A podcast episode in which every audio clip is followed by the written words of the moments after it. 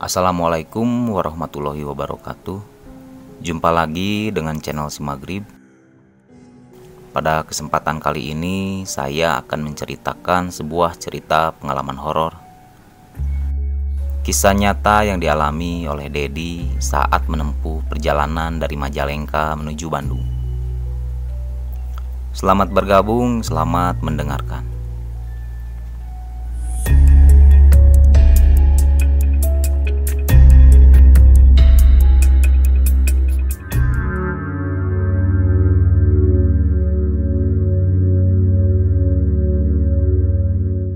Namaku Dedi. Aku lahir di Majalengka.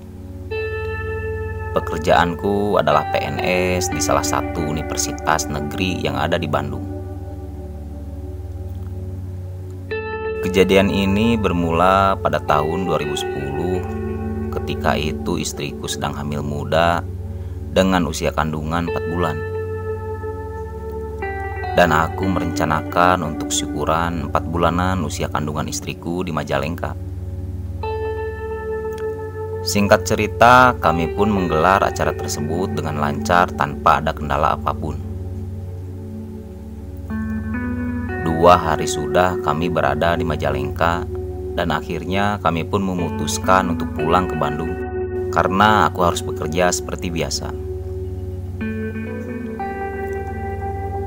Jam 9 malam dari Majalengka ke Bandung, aku dan istriku mengendari sepeda motor.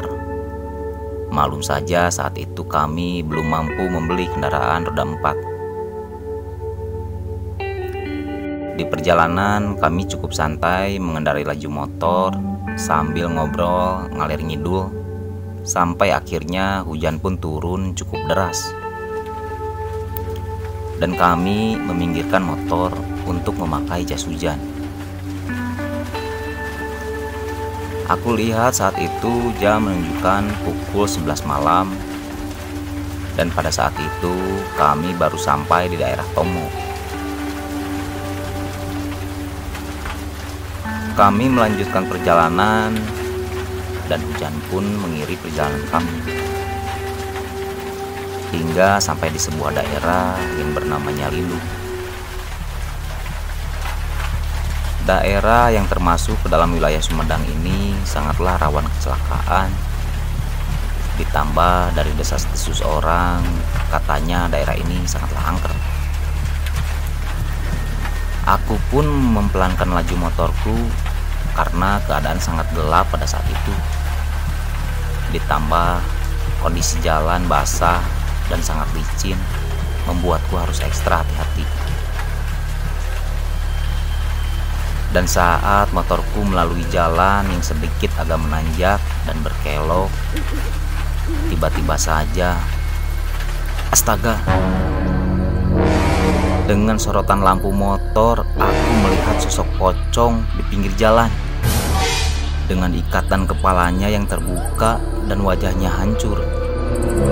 Dengan sangat jelas sekali aku melihatnya, pocong itu sedang bersandar di pohon dengan kaki berselonjor ke depan.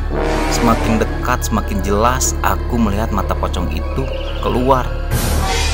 Astaga, seketika saja motorku terasa berat sekali untuk berjalan.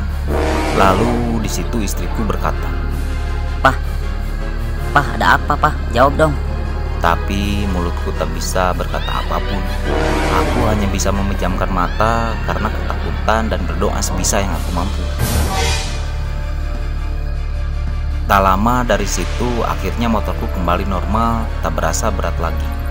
Langsung saja aku kebut sekencang-kencangnya dan saat itu istriku kembali bertanya. Pak, kenapa? Ada apa sih? Ketika kejadian itu, istriku memang tak bisa melihat apa pun karena tertutup jas hujan yang menutupi kepalanya.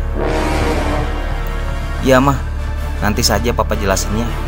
Jawabku pada istriku.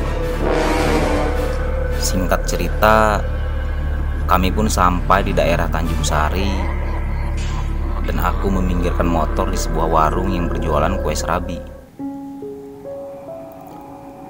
Lalu aku mulai bercerita kejadian tadi kepada istriku dan tukang serabi itu. Tukang serabi itu bercerita katanya memang di daerah situ sangat angker. Satu bulan berlalu dari kejadian itu, kami kembali ke Majalengka. Namun kali ini kami berangkat siang hari. Dan kami pun berhenti di tempat di mana waktu itu aku melihat sosok pocong itu. Dan kata warga yang ada di situ katanya satu bulan yang lalu ada kecelakaan maut yang membawa rombongan pengantin wanita. Dan naasnya, pengantin wanita itu meninggal di tempat itu.